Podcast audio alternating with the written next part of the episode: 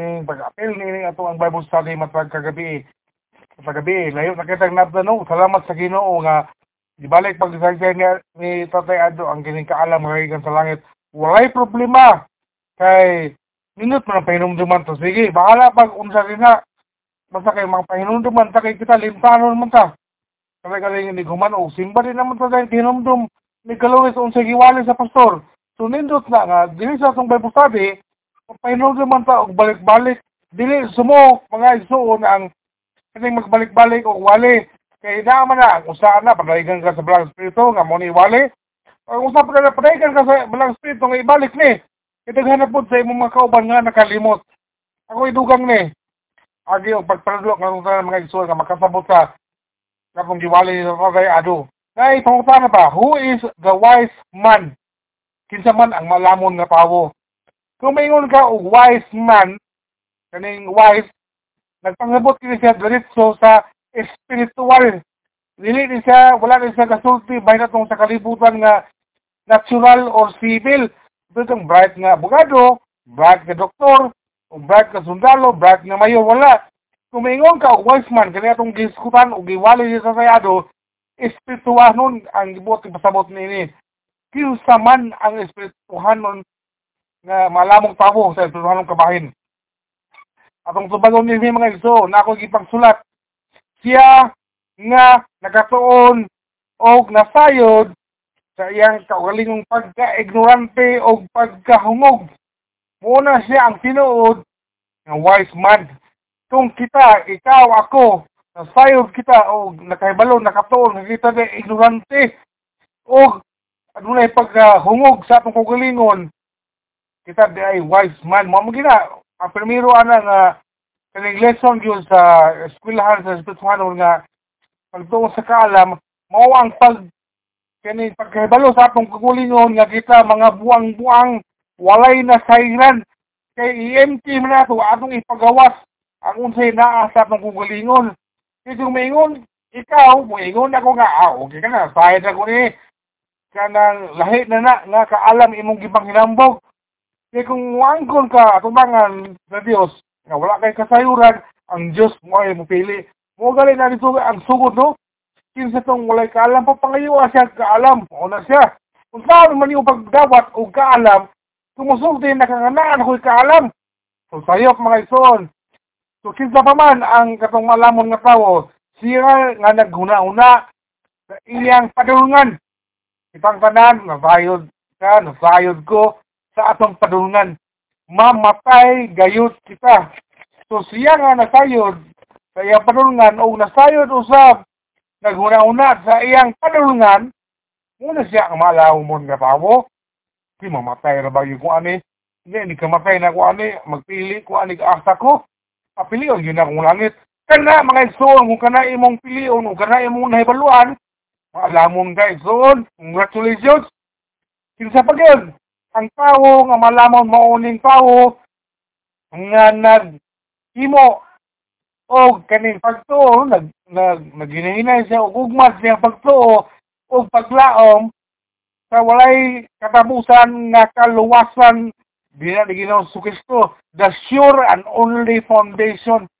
Kung ikaw gaugmad ka sa imong kaluwasan pinagi sa mga buhat pinagi sa siging dagkot pinagi sa siging pamisa Pinaagi sa sige ampo at mga checkpoint, dili mao ang sure and only foundation sa imong pagto o paglaom na unsa ka kasi nga tawo tuwa ka katong ingon sa adto nga imong kaalam tuwas kalibutan Pwegsoon kung giugmad nimo imong pagtuo natong tanan ug atong paglaom sa ato ang walay katapusan nga kaluwasan dito sa sigurado pagayod ug siya ra gyud no? The only way the only truth and the only life nga mao si Ginoo Kristo nga atong gidawat congratulations na pod maalamon kay soon sunod ang tao nga malamon siya nga nagbantay sa mga gibang hatag o sa mga gibang saad aron ang atong pagtuo madasig og samot.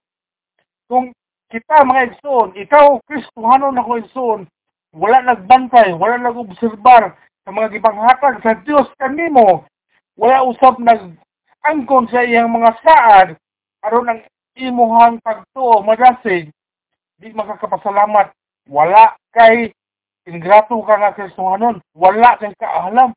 So kung na kay nagawat kung na kay kaning saa sa Dios nga natuman sa imong kinabuhi imong ipasalamatan ang buhi nga Dios salamat kay ni Lord. O kana siya malamon ka nga tawo malamon ka nga Kristohanon sunod ang malamon nga tao isun siya nga nagpili sa langit mong mga butang o dili ang mga kalibutanon nga mga butang.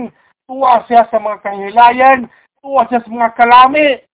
Dili na mao tuwa siya atong makatagbaw niya sa iyang lawas nun nga kaibog kung dili ang tao nga maalamon katong nagunahuna sa langit nun nga mga butang nga dili makita. O ganing kamot nga makapuot kini nato inikaman Sige, nay, akong baliho na po. Siya nga naghuna-huna, nga maayo na siya.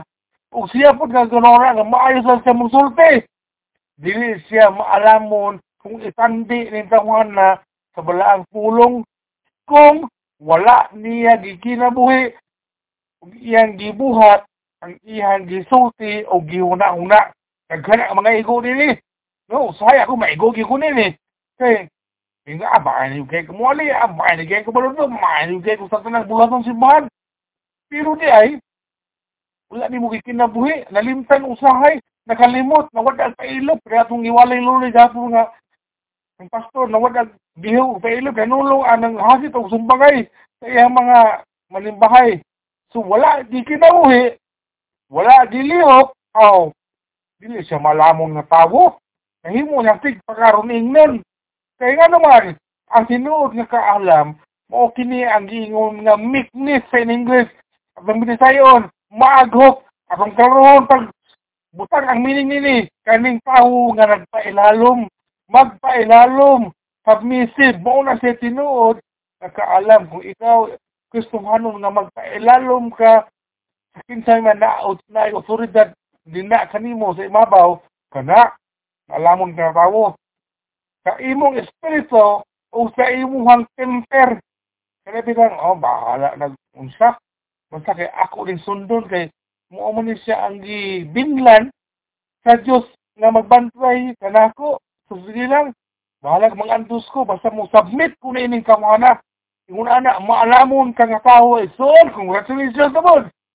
O ang true heavenly wisdom mo ni siya makita dina sa pagtuo o sa atong mga pulong. Kung ikaw igsuot, adunay pagtuo sa Dios. Kung ikaw igsuot sa imong pagpamulong, anindot kaayo dawaton o nakadasit ikaw o nakahatag ikaw o nindot kaayo nga nga paglulunan sa imong mga igsuon o sa mga tao nga imong gikapot. Nagwali kanila, gihimo nimo ang imong tahas, ang gibugaton, ang gisangon sa Dios na naa kay heavenly wisdom. Congratulations! Pero pagduwa sa mong sikrito, na, nagduwa sa mong sikrito, sige, tudluwa sa mong sikrito, kung saan eh, ako na ilangkop na nan. Atong basahon ng Hope 28 verse 28, no? Hope 28 verse 28. Niingon din hi, unya ang Dios miingon sa tawo, kadluki ang Ginoo, aron ka magmaalamon, alag di ay, kung kadlukan na to ang Ginoo, Oh, pag malamon ta, biyayang dautan, aron ka makasabot, ah, rindot, biyaan na to atong pagkadautan, biyaan na to itong mga malaway o mga makakaulaw itong mga buhat, aron kita makasabot. Shortcut! Pero nindot kayo mga isoon. Kapinali lamang nini, ang Diyos may nagingon, na sige, gusto makakang magmalamon, kadluki ko. Kaya ako man ang tag-iya sa tanan. Pagpailalom na ko, higugma ako sa tibok timong kasing-kasing. Sa tibok timong hunahuna. Ug kalag, dayon biyayang dawtan. Kung unsa man ang imong gipangkuptan karon nila nga wala dut ako nahimuot niya na biyay na. Pag hinulsol og balik gani kanako. Ug ikaw makasabot. Muli ang gimo na to mga isuon. Salamat sa Ginoo nga pinagi sa kaning guidance of the Holy Spirit dili kita makalimot nga mobalik every time kita madamag dili kay ana ako damag na mo masipit mo gid nako ko di magid ako ni ma kaning mahimo gud kay so tao raman mabasa ang gitag ulan maligo na lang ko iyaw kung madagma ka ba sa Biblia kung kapila ka madagma kapito madagma kapito sad ka mo bangon Walay ko ng Diyos sa kinabuhi nito kay Ado, bahala o unsa tiyang kingon nga wala siya kaandam. Unsa ba, nindot gihapon kayo kay na, gihapon kita dawat o makuha nga pagtulunan. Mapahinumduman kita nga, dili kita to malimtan nga importante ang kaalam nga gikan sa langit. Walay ko ng Diyos sa akong mga kinabuhi, mga isun, nga padayon kita nga nagpatudlo sa pulong sa Diyos, pinagi sa mga tao, nagagamit sa atong buhay nga Diyos nga mo padayag sa tuwa kapag kagabion pinagi sa mensahe pila ang kining mga pagbanudlo ako gali bisag banudlo ko makatuon man po ko.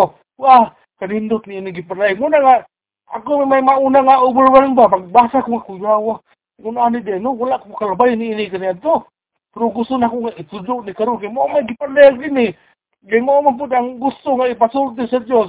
Salamat sa Ginoo sa iyang padayon nga pagsanggap o pagtulog kanato.